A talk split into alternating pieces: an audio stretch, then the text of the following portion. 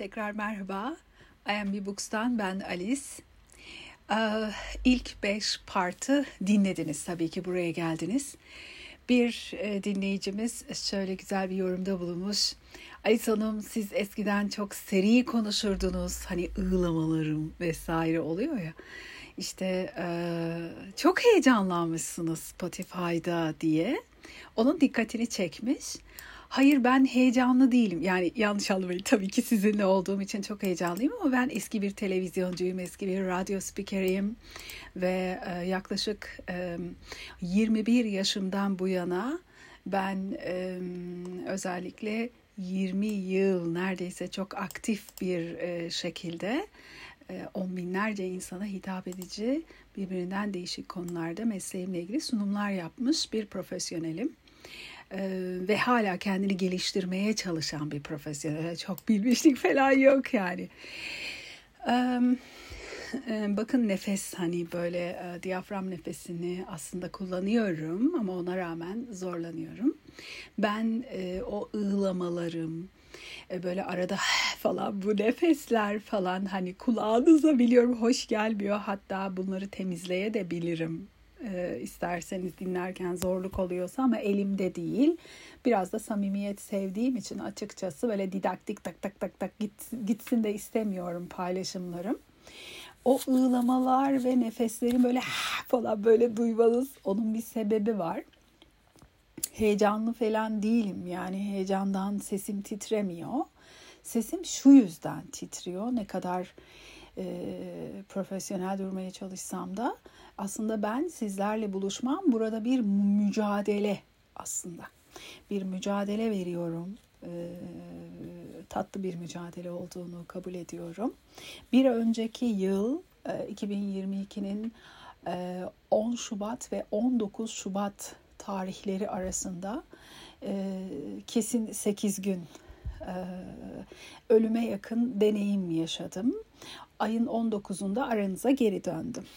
Covid satüresiydim ve iki ciğerimin neredeyse tamamını, akciğerlerimin e, tamamını neredeyse kaybediyorduk. Ve e, ölüm deneyimi yaşadığımda doktorlarım tarafından hani özellikle onlar belirttiği için biliyorum yaşadığım şeyin ölüm deneyim, ölüme yakın deneyim olduğunu.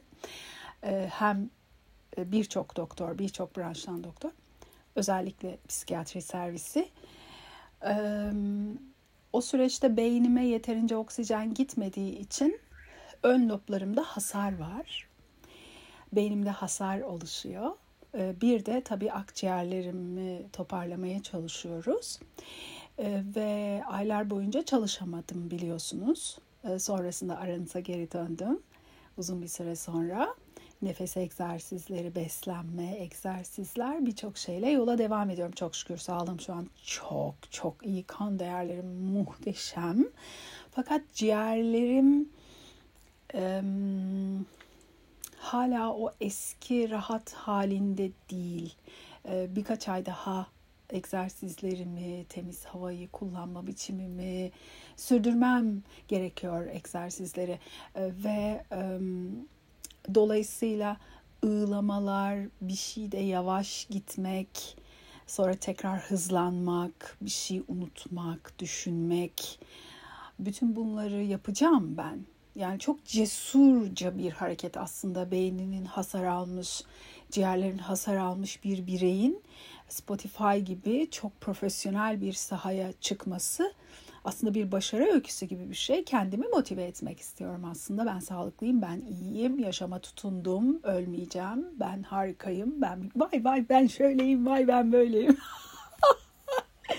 o yüzden arada ığlamam ve böyle nefesimin gitmesi o anda diye böyle sesin titremesi biraz samimiyet kattığı için açıkçası yüz buldum ve huzurlarınıza çıkmaya cüret edebildim. Size anlatacak çok şeyim var. Sizlerden de dinlemeyi vakti zamanı geldiğinde çok isterim. Sizinle bir şeyler paylaşmak istiyorum. Bilgiyi, öğrendiklerimi kendime sadece saklamak istemiyorum. İşte e, hiç beni tanımayan dostlar da dinlediğinde kadın ı diyor garip sesler çıkarıyor. Sonra heyecandan sesi titriyor falan. Hani hayır hayır yani ben, ben bir eski bir profesyonelim. Sadece cüret ettim gerçekten. Tamamen ciğerlerimin iyileşmesi için daha aylar var. Yani iyileşti de bu nefes konusunda ığlamalar. Çünkü sonuna kadar diyaframı da yönetmeye çalışıyorum. Zaten şu anda e, diyaframı yönetemesem sadece ciğer nefesiyle konuşmaya kalkışsam bir, bir arpa boyu bile yol, yol gidemem. O tıkanmalarım, durmalarımın sebebi bu ve anlayışınıza sığınıyorum. Sizler tatlı insanlarsınız. Tabii ki anlayışlısınız. Ve bu şekilde gideceğiz. O yüzden yakından böyle falan diye nefesler duyduğunuzda ne olur beni yadırgamayın. Şimdi bu güzel açıklamayı yapma ihtiyacı hissettim ta en baştan. Ee, sebebini bilin. Dürüstçe söyledim sebebini ve aylar geçtikçe gelişmeyi hep birlikte göreceğiz ve eski performansıma tabii ki ondan daha iyi haline geri dönüş yapacağım. Antik Yunan mitolojisine gireceğiz. E, fakat astroloji ile arasındaki ilişkiye antik Yunan mitolojisi ve astroloji arasındaki ilişki çok anlamlı ve de önemlidir. Astrolojiye henüz başlayan saygıdeğer kişiler, sizler e, zodyakta göstergeler olarak isimlendirilen gezegenlerin mitolojilerdeki karşılığı mitolojiler dedim dikkat edin. Antik Yunan mitolojisi, Sümer mitolojisi, Mısır mitolojisi yani işte birçok mitolojide um, Zodyak'taki bu göstergelerin asteroidler de dahil buna karşılığını bildiğinizde yorum kapasiteniz çok güçlenecek, genişleyecektir. İlhamla dolacaksınızdır. Örneğin Zodyak'ta Jüpiter. İşte kitabı açtınız, okuyorsunuz. YouTube'dan çok saygıdeğer bir astrolog harika bir video hazırlamış. izliyorsunuz. Ders çalışır gibi böyle notlar alıyorsunuz. İşte Jüpiter nedir? Bolluktur, berekettir. Efendime söyleyeyim uluslararası ilişkilerdir, yabancı dillerdir, dinlerdir. Efendim ne bileyim işte e, bir sürü gösterge. Jüpiter'le ilgili uzak yolculuklardır felsefedir Jüpiter, mitoloji demektir Jüpiter diye böyle öğretmen, e, astroloji öğretmeni kabul edelim o kişiyi öyle diyelim. İşte YouTube'da anlatıyor böyle öğretmen gibi siz de tık tık tık tık notlar alıyorsunuz. Ana Jüpiter'in anlamlarına bak kız. Uzak yolculuklar demekmiş. İşte yabancı bir eşle evlenmeye kalkıştığımızda sadece aşk göstergelerine değil Jüpiter'le ilişkisi nasılmış o göstergelerin diye bakmamız da gerekiyor. Kız ne kadar teferruatlı bu.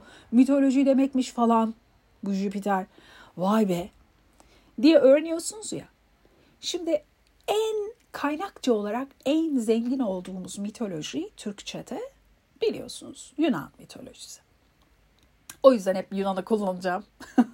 o yüzden Olimpos tanrılarına ve tanrıçalarına sürekli gönderme yapacağım. Bu videoda başladım. Bu partta başladım. Bir sonrakinde devam edecek. Yedinci partta da dikkat edin. Ondan sonra eğer ki sen o um, YouTube'daki ya da kitaptaki Zodyak'ta Jüpiter hangi anlamlara geliyor konusunu yazarak çalıştın ya. Hmm. Ondan sonra açıp Yunan mitolojisindeki karşılığının Jüpiter'in çünkü Roma dilinde birazdan öğreneceğiz. Roma dilinde Zeus'a Jüpiter deniyor. Sen tekrar antik Yunan'a dönüp baktığında Zeus olduğunu fark edeceksin ve Zeus'un mitolojisine girmek zorundasın. Çünkü zodyaktaki göstergelere atfedilen e, konular ile antik Yunan'daki e, tanrı ve Olimposlu tanrı ve tanrıçaların mitolojileri arasında çok güçlü bir bağ var. Bunları düşünüyor olabilmelisin. O yüzden astroloji öğrenmeye hazırlanan birinin e, hiç fark etmez. Böyle girersiniz Google'a ya da kitapçınıza gidersiniz. Mitoloji kitapları alırsınız birkaç tane. Böyle temel seviye cinsinden olsun tabii sizi yormasın en başta korkmayın. Ağır kavramlar böyle ağdalı bir dil vay vay vay böyle ay ben bunu öğrenemeyeceğim. Hayır öyle değil. Çok basic seviye. Kitapçınıza danışın, Google'da araştırın. Böyle okuduğunda çok kolay anlaşılan bir dili olan mitoloji kitapları. Önce onlarla başlarsınız. Sonra geliştikçe ağdalı dil keyif vermeye başlayacak size. O kitapları alırsınız. Bir güzel altını kırmızı kalemlerle çizerek notlar alarak hmm, Jüpiter Zeus'sa o zaman Zeus'un mitolojisinde bu var. Hmm, aa evet şimdi anladım. O hoca bu konuyu bunun için söylemiş der ve kafanıza çok iyi yerleşir biliyor musunuz? Bayılacaksınız böyle öğrenmeye. Evet. Nihayet güzel, samimi bir konuşmanın ardından antik Yunan mitolojisindeki Olimposlu tanrı ve tanrıçalar ile Zodyak'taki Roma diliyle ifade edilen 10 gösterge arasında ki ilişki üzerine konuşmama başlamışta bulundum. Şimdi sizi burada biraz dinlendiriyorum. Bu 6. partta, 7. partta tamamını anlatacağım.